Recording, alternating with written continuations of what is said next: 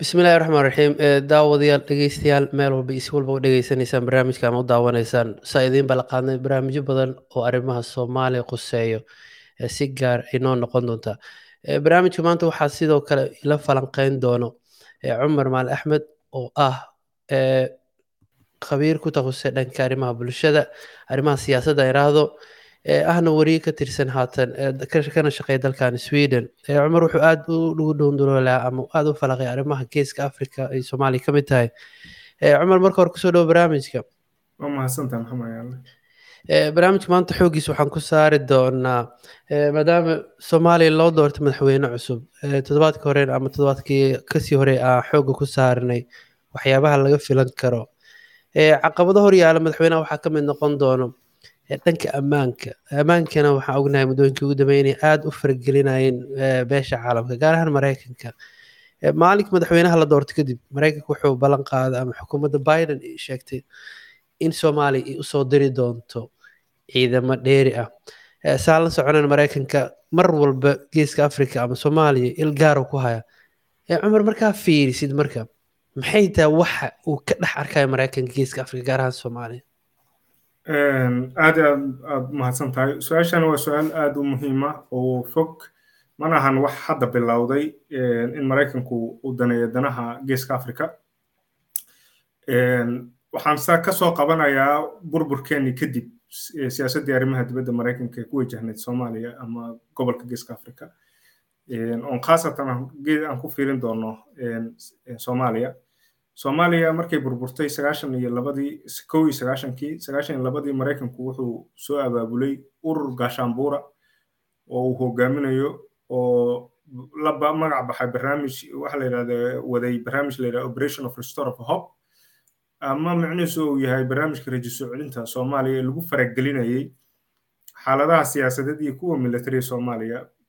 Maxaa yeelay dagaalkii sukay wuxuu keenay ammaan darro iyo fowdo taasaa waxay keentay marka in ciidamo huwanta la dhihi jira magacaasay lahaayeen oo maraykanku hogaaminayo soddon dowladood aan filaya haddaysan ka badnayn ay ka koobnaayeen. Markii sovietku burburay waxaa la yidhaha maraykanku wuxuu sameeyey siyaasad la yidhaha new world order system oo isaga uu hogaansho oo waxaa la sheeg maadaama adduunka uu noqday waxaa la sheeg unipolar oo systemkii bipolarka ah uu baaba'ay labageesoodka ahay oo dee dogtiino camk sovietka iyo kii reer galbeedkaas adduunka u qaybsanaa. Markii sovietku meesha ka baxay maraykanku wuxuu noqday finalist. Isaga iyo huwanta u wata oo reer galbeedka waxay soomaaliya soo farageliyeen laba arrimood. Markii koowaad ayagoo ku dhahaya humanitarian aa lagu justificationku sidaas u ahaa. Laakiin runtii markii labaad waxay noqotay operation disarmament waxa la yidhahda iyo faragelin siyaasadeed hubka dhigis waxayna la kulmeen faragelmahaasoo waxa la sheeg soomaalidu kacdoonay kala hor timid dhibaato badanaa ka dhacday. Kadibna waa tid ogeydeen inay noqdeen. Mar labaad oo labada kun iyo dabayaaqadii labada kun iyo toddobadii aan filayaa labada kun iyo toddobadii meelahaasay ahayd ay labada kun iyo lixdii labada kun iyo toddobadii intuu dhexaysay ayaa haddana maraykanku waa tii la aasaasay dowlad la yidhaahdo federal transitional government wax saasa federal governmentigii marka waxaa dhacday inay soomaaliya tegi weyday weliba caasimadda soomaaliya. Maraykanku xil weyn oo iska saaray military ahaan iyo economic ahaan in la taageero dowladdaas. Aan waxaa la sheeg federaalka oo lagu sameeyey bannaanka soomaaliya lagu sameeyey weliba ay ka buuxeen markii la sameynayay excessive military and diplomatic political interventions dowlado badan ay kulug lahaayeen samayntaas uu taageeray ajendahaas maraykanku wuxuuna ka soo horjeeday islaamiyiintii kooxihii islaamiyiinta markaa ka talinayay soomaaliya oo ururka u i c ama maxkamadaha la yidhahdo union of islamic courteska then markuu soo galay marka waxauna uu yidhi ololahaas marmarsimooyinkii loo qabsado waxaa ka mid ah waxa la contra terrorism operations waxa la yidhahdo oo uu yidhi meesha waxa ka kacaya argagixiso therefore dowladda maraykankuna waxay xil iska saaraysaa la dagaalanka argagixisada marka la dagaalanka argagixisada ajenda labada kun soo bilowday iyo kowdii waaye september. Marka sidaasay horta ay ku soo bilaabatay faragelintu. Haddana waxyaabaha marka laga bilaabo labada kun iyo toddobadii soomaaliya ilaa iyo maanta maraykanku faragelintiisa militariyatan siyaasadeed waa wax muuqda oo aan qarsoonayn aada weyn waxaan xasuusanaa maraykanka wuxuu toos u bartilmaamaystay shakhsiyaad gaar ah goobo gaar ah obereshino gaar uuna soomaaliya mar walba ka sameeya. Way ugu dambeeyeen xataa dilkii lagu dilay hogaamiye al-shabaab oo kaleete dilkii lagu dilay ama duqeymihii badda oo kale laga soo duqeynay. Afartan sano ku dhowaad maqaal maalmooda akhrina waxaa ku qorneed in afartan sano ku dhowaad maraykanka uu duqeyn toos ah soomaaliya ku waday. Cid la socota iyo cid ka warhaysan aysan jirin maxaa umalaynaysaa duqeymaha marka la yidhaahdo sheeg waxaa yidhahda operationkan counter terrorismka la xiriira ee bilowday anigu markaan ka hadlayo ka hor waa socdeen laakiin si toosa u bilowday labada kun iyo toddobadii wixii ka dambeeyey. Inta badan operationadaas waxay ahaayeen drone strike iyo training la leeyahay waxaan tababaraynaa ciidamo soomaaliyeed oo difaaca iyo intelligence xog ururin saasay ahayd. Waxyaabaha uu maraykanku focuska saarayo drone strikes against shabaabka iyo kooxaha uu asugu u yaqaan argixisada iyo tababar ciidamada soomaalida qaybo kamida isagu isticmaalo uu maaragta la tababarayay iyo intelligence. Oo hadde intelligencegaasna anu ma filaya in soomaalida lala sheergariya laakiin waa waxa isagu ururinaya xog ururina xilligii obama ayay arrintaas xoog lahayd aad u xoog badnayd. Trump administrationkiisi markuu yimid wax yaruu ka sii taataabtay hawshaas kadibna waa tuu bilaabay inuu ciidankiisii labada kun iyo labaatankii dhammaadkeedii aan filayaa inuu ciidankiisi kala baxo. Soomaaliya uu sheegay. Marka waxyaabaha markaan runtu ay tahay waxaa la yidhaha sheeg arrimaha duqeymahan.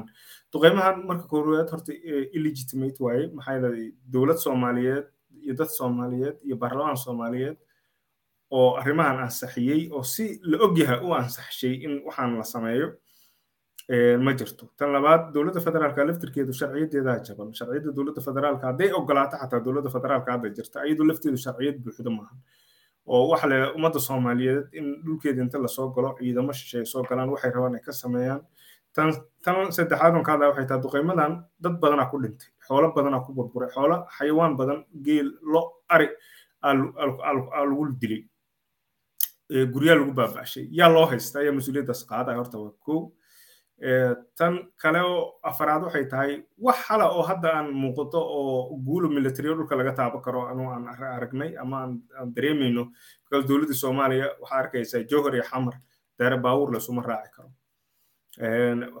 Gobol walba baydhabo iyo waxaa la sheeg meesha la yidhahda sheeg xamar waa sidoo kale baawur matay diyaaradaa loo qaadanaya meel walba. Marka maxay keeneen waayo marka operationadanu haddiiba dhulkii uu saas u kala xiran yahay ilaa hiiraan aan la mari karin ilaa dhankan koonfur aadan kismaayo tegi karin.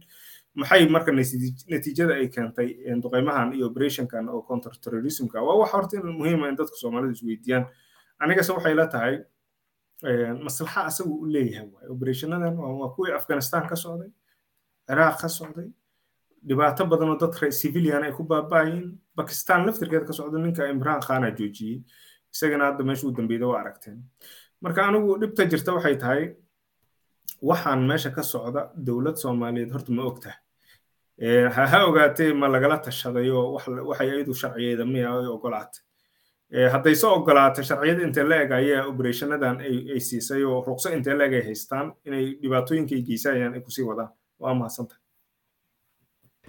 markaa fiirina marka inta howl uu maraykanka ka wada geeska africa oo danihiisa ugu weyn tahay uu wax badan ka fiirinayo ina taa istaraatiiji ahaan geeska africa marka loo fiiriyo soomaaliya meel aad u istaraatiiji ah dhan siyaasada dhan dhaqaale iyo dhan walba ammaanba ma u malaysa marka in maraykanka uu ku fashilmay gaar ahaan howlaha uu ka wada soomaaliya marka u fiirisid?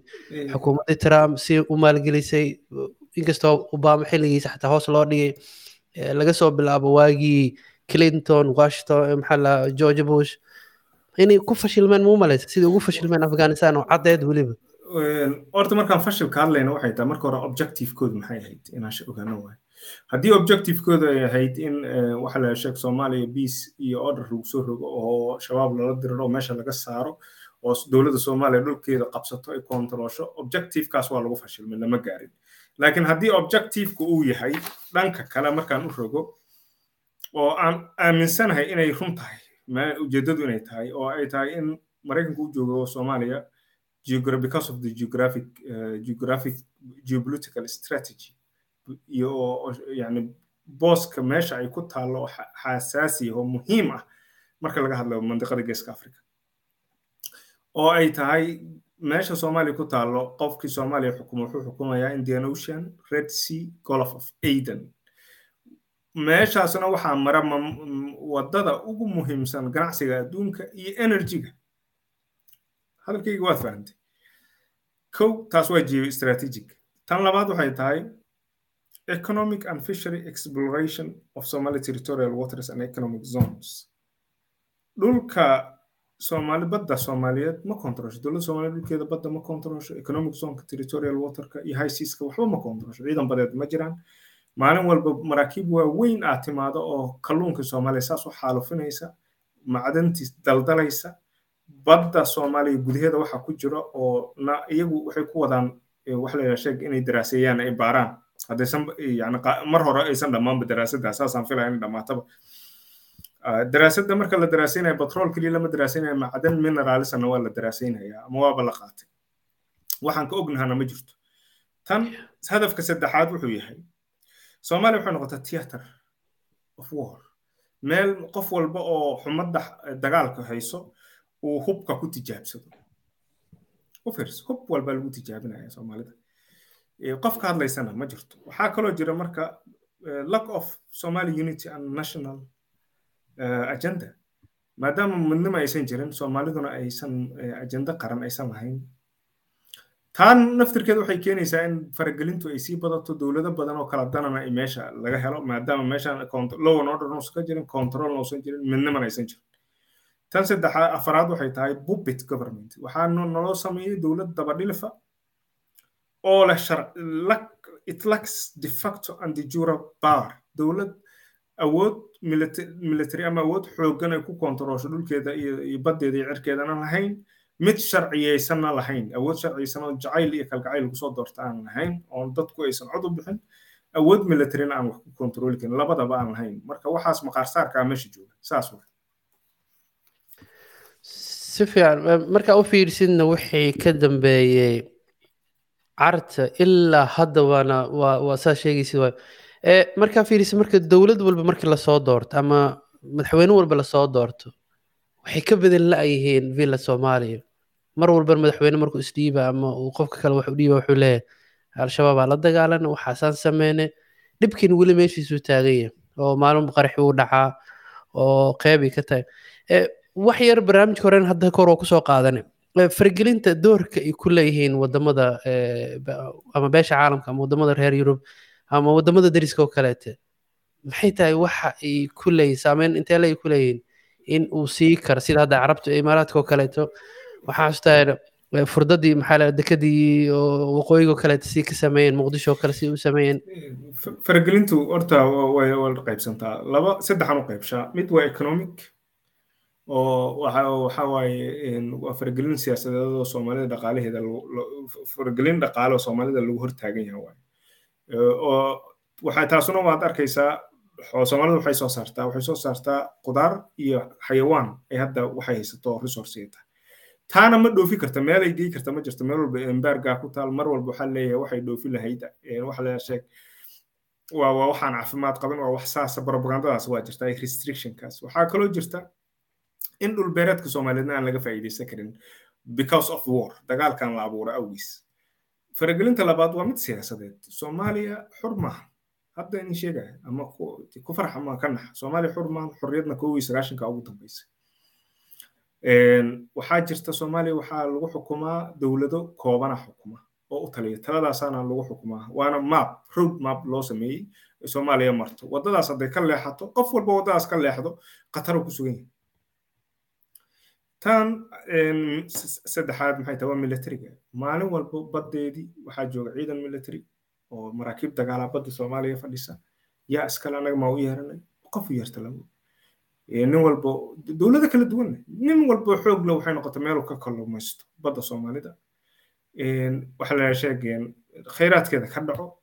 Madaxda soomaalida maanta jooga nin ka hadlaya maaragtay inta dad intaba xoolaha badda soomaalida la dhacayo dumping of wastage qashinka lagu shubayo kalluunka sharci darrada laga kalluumaysanayo baaritaanka macdanta qof madaxa soomaali ka hadlaya maarata ama waqooyi ha noqdo ama koonfur ha noqdo ka hadlaya maarata ma jirto. Tan marka aan muhiimadda aan ka hadlaya waxay tahay midda military maxay tahay? Marka midda military waxay tahay mid hortaagan in maanta ciidanka soomaalidu dhismo dhulkeedii uu kontaroolo oo lagu soo rogay embargo oo la leeyahay soomaaliya xayiraad militariya saaran. Soomaaliya wax ma iibsan karto. Yaan wax laga iibsan qofka wax ka iibsho la leeyahay black listing la gelihayo. Ciidanka soomaalida uu yahay qoraca ka haysto oo yani wax la sheega uu yahay ciidan aan aan dhisnayn hay'adaan dhisnayn oon qalabaysnayn.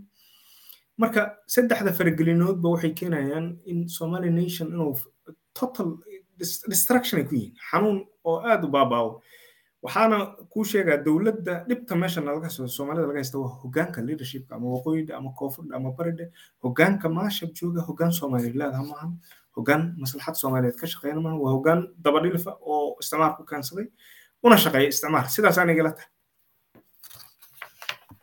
May waa way noqonaysaayo haddiiba dowladdii iisan awoodin inay sharci ahaan dowladda wixii awooday ka baxdo shacabka wixii looga baahnaa aysan samaynaynin ammaanka iyo sirdoonka inta badan waa meesha xoogga hadda laga saaro oo haddaa xasuusida xukuumadihii ugu horey ama dowladihii ka horreeya farmaajo kale iyo kuwa farmaajo laftirkiisaba markii wadaxaajoodka la gelay al-shabaab oo kaleeta iyo aad waxaa looga hadli jiray in xubno al-shabaab ay ka mid yihiin dowladda iyo saameyn badan ku yeelan karto.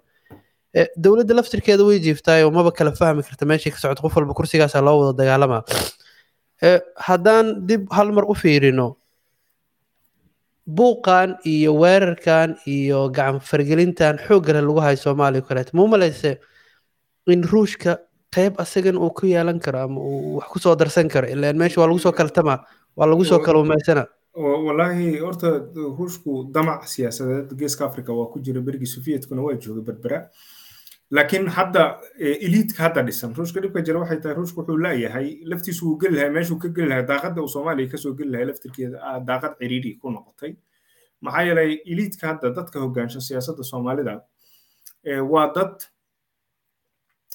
waa dad waxa la sheeg la samaystay oo hadda ma aamini karo dad uu aamini kara maahan oo hadda maanta wax ku darsan kara ama ula sheekaysan kara xataa maahan iyagu laftirkooduna dad ruushka ama bariga u jeesan kara maahan because waxay ku jiraan waxa la yidhaha saan kuu sheegay meeshii layrka waxa la yidhaha sheeg waxay ku jiraan box boxkaasay ku jiraan kama bixi karaan waxna kuma dari karaan waxna kama jari karaan hadalkayga ma fahamtay marka waana laga yaabaa inuu damacsan yahay. Laftirkiisu waxa meesha ka socda inuusan ku qanacsanayn waana dowlad super power oo dana leh masaalix leh geeska africa ku leh. Adduunkana ku leh. Waana saaxiibna waan hayn beri soomaaliya aad iyo aad u garab istaagay. Ay aad ugu bahnayd garab istaag weli sida maanta meeshii taaganta oo kale. Hase ahaatee waxaa jirta in hadda waxa meesha jooga uusan aamini karin waxna ku darsan karin. Qof aamini kartana ma jirto. Waxaa meesha jooga qof aamini karta ama dowladda soomaaliya la leeyahay federaalka ama gobol ha joogto ama heer degmo ama heer dowlad dhexe cid maanta wax u sheegi karta ama aamini karta ama daba kici karta ma jirto waxay wax ka maqlaan hal dheg dhegtaasna waxaa qolada xalaano joogta wax ugu sheegta qof kale oo ka maqlayaan ma jirto maslaxa soomaaliyeedna meesha ma taala ama afar sano hal qaat ama toban sano as long as systemkan federaalka uu jiro oo soomaaliya uu taagan yahay soomaaliya hal sentimitir hore socmayso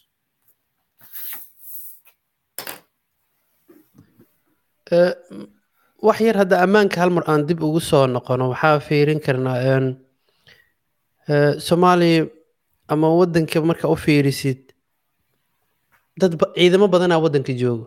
Ciidamo maraykanku soo tababaraa jiro ciidamo carabahay soo tababareenaa jiro ciidamo waddamada dariska ethoobiya soo tababareenaa jiro. Hadda waxaa ciidamo dhowaan uu farmaajo sheegay xataa madaxweynihii hore hadda ka dhammaaday in ay jiri karaan in uu soo bixi doonaa ciidamo kaleeto dheeri ah marka marka dib u wada fiirisid waxaasoo ciidan oo tiro badan oo soomaaliya ka howlgala ama ka shaqeeya ama ka kaluumaysto ama qaab qaldan uga shaqeeya ammaanka muxuu ka bedeli karaa isleedahay boqolkaa ciidan oo kala nooca oo hal mar magaalada ku wada yacsan waxaan horta ku sheega waxay tahay ammaanka wax kama bedelaan ciidan tuutale oo ajnabiya ammaanka qaran nation walba ammaankiisa waxaa madax ka ah dadkiisa ciidankiisa qaranka nabad sugidda hay'adiisa nabad sugidda hoggaanka ciidamada. Dadka bulshada oo waxaa la yidhaha sheeg degan waxaan ku weydiinaya hal su'aal oo ah waqooyiga oo kale fiiri maanta soomaaliya sambal aan soo qaadan karna waqooyiga soomaaliya waxaa ka jira ammaan ammaankaas ma sameeyaan ciidanka booliiska iyo militarigu shaqo kuma leh ammaankaas waxaa samaysta keensaday dadka degan waqooyi galbeed. Qofka maqaayadda jooga kan tagsiilaha ah kan gaariga wada kan waxaa la yidhaha guriga degan kan maqaaxida leh intaba waa wada shaqeeyaan. Waxayna la shaqeeyaan boolisku waa un caawiyaa mooye waa ayaga shaqadooda qabsada. Qofkii ammaankiisa laga shakisan report garaya marka qayb meeshan quruntay waxaa la yidhaha dhibaatadu ka taagan tahay waa dadkii reer koonfurka. Marka dadka reer koonfurkana laftigooda kuma baraarugsana madaxda ay leeyihiin inaysan madax u shaqaysa aysan ahayn. Ay laga maarmaanna ay tahay inay ammaankooda gacanta ku qabsadaan ama banaadir ha noqoto ama labada shabeelle ha noqoto ama hiiraan ha noqoto ama mudug ha noqoto. Yani waxa muhiima waxay tahay dadka deegaankaas degan ee gobolkaas ku nool inay ammaankooda gacanta ku qabsadaan wixii amaan darro u keenayana ka fogaadaan. Aniga sidaas ay la tahay laakiin anigu kuma lihi ciidan maanta kan joogo soomaaliyeed waa ciidan aan istraakjaradiisa aan lahayn waa ciidan aan qalabaysnayn waa ciidan aan hogaaminkiisa uusan dhisnayn waa ciidan waxaa la yidhaha xuquuq aan lahayn ee lagu dul hayo ciidan shisheeya waay loo keenay wiilasheena ciidanka soomaaliya waxa waa ciidanka geeska afrika. Ciidanka afrika ugu xoog badan uguna haybadda badan marka laga reebo kan masaarida.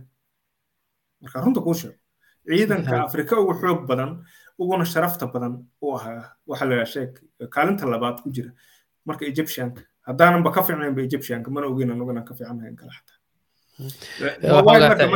loo diri jiray si fiican marka su'aashu waxay taagan tahay xitaa ciraaqaan u diri jirnay meel walbaan gey jir waxaan afrikadaanan xoreynay angola iyo waxa la yidhaha sheeg mozambique angola mafahmi iyo south africa marka su'aashu waxay taagan tahay annagii sidaasayna maanta waxaa naloo sheegayaa waxaa layni kikuyo iyo sakadudi iyo waxa ugandays adinka idinka fiican waxaasaa naloo sheegaya askarigeena boqol dollar heli maayo koodana dhowr kun oo dollaraa la siinaya waxna ma qabto taangi haysta anagu taangi ma iibsan karno. Sidaasaa naloo sheegay beelaan nahay.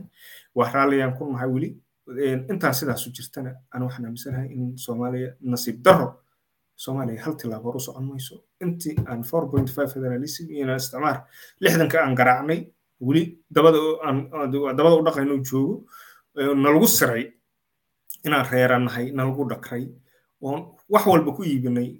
Qabiil iyo qabyaalad iyo reero aan ku iibinay oo iimaankeenna uu noqday aamini weyne xoolaha iyo dhulka aan leenahay iyo badda aan leenahay aamini weyne iimaankeenna uu noqday inaan shisheeyaha dawarsano anigu ma filayo in soomaaliya ay tilaab qaadayso waana mahadsanta aaday u rajo xumaanayna marka loo fiiriyo soddon sano koo soddon iyo laba sano intaas weli meesha sii taagantaha baahidii intaana soo xinin barnaamijka ugu dambeyn marka shacabka soomaalida ma u malaysa marka inaysan ayaga laftirkooda u baraarugsaneen. Dowladnimadii ammaankii shacabka laftirkiisa inuu soo diyaarsaneen shacabka soomaalidu waa saddexaan u qaybshaa ama afar. Qayb waxay tahay qaybihii berigii isticmaalka lagu daray waxa la sheeg dowladaha waxa la sheeg reserve area iyo n f d oo ogaden iyo n f d loo qaybsho oo kenya ethiopia la raashay kuwaas horta waxay ku dhex jiraan weli meesha looga soo tegay jiraan. Ama waa afrikaan ama ha ku darsadaan hala noolaadaan siday u egtaana si fiican ha ula noolaadaan ama dee aidiyadii soomaaliyadii kalena hadda ma muuqataba soomaali nationalism markaan ka hadlo inay soomaali wax ku darsadaan maanta waxa ugu dhowanay meeshooda joogaan.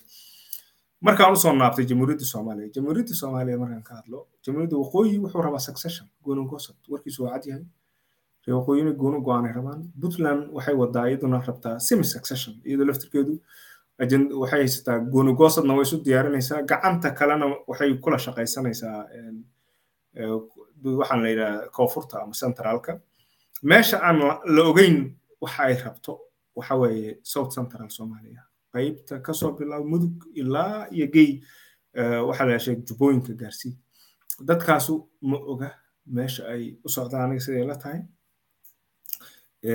oo runtii waxaa la yidhaha wax badanaa ka walaacsan waana meesha ammaan darrada iyo dhibaato ugu khayraadka badanna soomaaliya laakiin nasiib darro dadka madaxda ka ah iyo shacbigu. Shacbigu kuma baraarugsanaa in dadkan maalin walba madaxda meelaha hor ordaya aysan soomaali madax sax ahayn. Waxaan inaysan madaxayn because hadday xataa shakhsiyaad fiican yihiin systemkan four point five qof walba oo dhexgala waxay la mid tahay xabad timira ood ku dhex tuurtay meel bulaacada marka ma soo qaadan kartaa timirtaas? Soo ma qaadan kartid ma oga dadku kuma baraarugsana reer waqooyigu waa baraarugsan yahay. Reer bariguna waa ogyihiin waxay samaynayaan laakiin dadkan waxba ogeyn anigaan aaminsanahay inay waxa la sheeg qaldan yihiin oo wadaha lagu lagu qalday. Been loo sheegay waxa waaye nimanka reer koonfurka oo lagu siray four point five federalism oo maanta gobolkii banaadir wadda male canshuurta waa laga qaadaa male waxa la sheeg caafimaad male malahan waxa la sheeg haddaan runta kaaga hadlo waxa la sheeg infrastructure ma jiro ma jiro iskuul la dowlad service baxso ma jirto gobernatora ay iyagu xisaabtami karaan dadkaasu ma haystaan waana dadka dhibaatada ugu weyn ku dhacayso soomaaliya waa wax xamar iyo xamar ku dhow xamar dayaha labada shabeelle iyo iyo iyo iyo meesha la hiiraan iyo waxa la yidhaha sheeg baydhabo waa dhibaatada meesha weyn ee hadda ka jirto ama dhaqaale ahaan ha noqoto ama amaandar ha noqoto iyaguna waxaad moodaa inaysan ogeyn waxaan la leeyahay four point five federal. Four point five federalism federaal wax la yidhaaha iskale laakiin adigu maxaad leedahay? Su'aasha taaganta waxay tahay aaway adiga dowladdaada dhexe dowladdii hoose. Federalismkuna wuu qabaa. Gobol regional government iyo federal government jira. Regional banaadir waa regional government. Therefore anu waxaan ku talinaya dadka reer banaadirka ama gobolka banaadir degan in gobolkooda ay kala hoos baxaan nidaamkan federaalka si ay ammaankooda u wanaajiyaan soomaaliyana way anfacaysaa sidaasi dowlad walba isla xisaabtan dhabana way keenaysaa gobolkii uu la xisaabtamo gobarnarkiisii gobarnarkiisii doorto toban iyo toddobada degmo way ka dhici kartaa doorasho ha lagu qabto.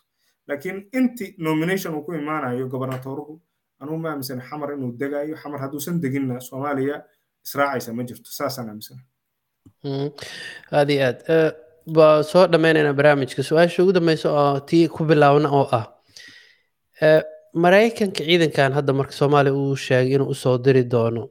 Si walbay noqon karaan sidii hadda sidii yihiin oo kaleeta noqon karaa inay badaha joogaan in jabuuti oo kale ay fadhiyaan centerkooda weynka. Muxuu muxuu saameyn ama muxuu ka bedeli karaa isleedahay xukuumaddan cusub ama madaxweynaha cusub la doortay dowladdiisa dhowrka soo socota wallaahi waa dictationkii. Mar mar walba haddii ciidamo shisheeye ku soo dul degaan micnaheedu waxay tahay inaadan xur ahayn madax bannaanayn. Waana continuation of wax la sheeg destruction. Yani in dad soomaaliya la duqeeyo sawaariikh lagu dhaco dad civiliana badan dhintaan oo casualty badan timaado hub laysaga tijaabsado dowladda soomaalida iska noqoto wax iska because anigu waxaa jira hami dadka soomaaliya waxaa ka dhex guuraya hami ah in ciidankoodu maalin la wareego talada oo la wareego in ammaanka qaranka. Dowladduna ay noqoto dowlad isku filan oo iyadu ismasruufta dowladdana isma masruufto waxba ma yani ma yaalin meesha. Ciidankeenna waxaa la yidhahda dowladda shisheeyaa kala u kala qoqoban yahay oo kala masruufa ama kala tababarta. Oo ciidan minaysan xataa meesha kuma hayno gobolladii laftirkoodii ciidankoodii nin walba xaafadiisii u joogaa waa ciidan qabiil ku dhisan ciidan qaran meesha ma joogo. Hogaame ciidan qaran oo hufan lama arko. Ajenda iyo balaanin ciidan qaran lagu dhisaayo ima muuqato.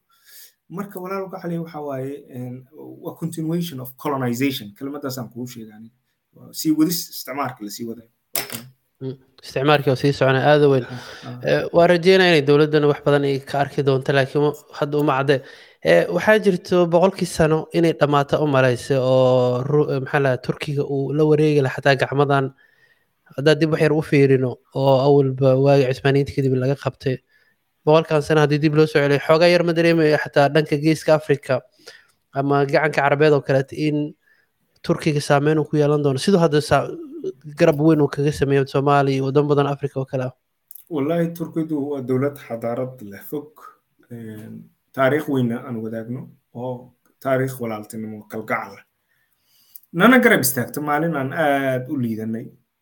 Ama ha noqoto taariikhda dhow ama taariikhihii fogaay ha noqoto aad noo garab istaagtay. Maantana waan filaya inay madax bannaanaa doonaan heshiiska berigay jabeen kadib in boqol sano boqol labaatan saddex sano laga joogo waxay soo ceshan doonaan madax bannaanidoodii waana muuqataa inay soo ceshan doonaan. Wuxuuna turkigu u socdaa inuu noqdo dowlad super power sida aniga ila tahay. Ma noqon doono dowlad dhexe oo dowlad kala daba socota laakiin waxay la tahay inay noqon doonaan dowlad sida chineeska ama hindida oo kale iyo bakistaanka iyo dowladahan soo awoodda leh ee muuqda dunida ka muuqda ee laga ixtiraamo inuu ku soo bixi doono waana filaa inuu resourcena haysto taariikhna haysto oo ku hogaamiyo ummadaha islaamka una yahay dowlad hogaamin karta waxna bedeli karta runtii. Hase ahaatee waxay ku xiran tahay wixii ordoqan ka dambeeya because anigu waxaan ordoqan hadduu joogo waan hubaa inay sidaa dhacaysa laakiin hadduu meesha ka tago hadduu meesha ka tago wax imaanaya qofka kuma jirto. Taasna waa jirtaa cumar aad iyo aadan kaaga mahadcelina waqtigaada qaaliga. Ee barnaamijkeenana intaana ku soo koobaynaa falanqeynta kooban. Saan horena daawadayaasha ama dhegeystayaasha boodka xataa dhegeysanaya u ballan qaadnay waa sii wadi doonaa hadba waqtigeena intuu naga siiyey iyo cumar waqti intuu ka helo. Iyo inta indhindheen ay noqoto. Cumar waqtigaada qaaliga aad iyo aadan kaaga mahadcelina walaalkeen waa mahadsantaha walaal. Aad iyo aad aad mahadsantahay fursaddan iyo doodan maanta noo furtay. Aad iyo aad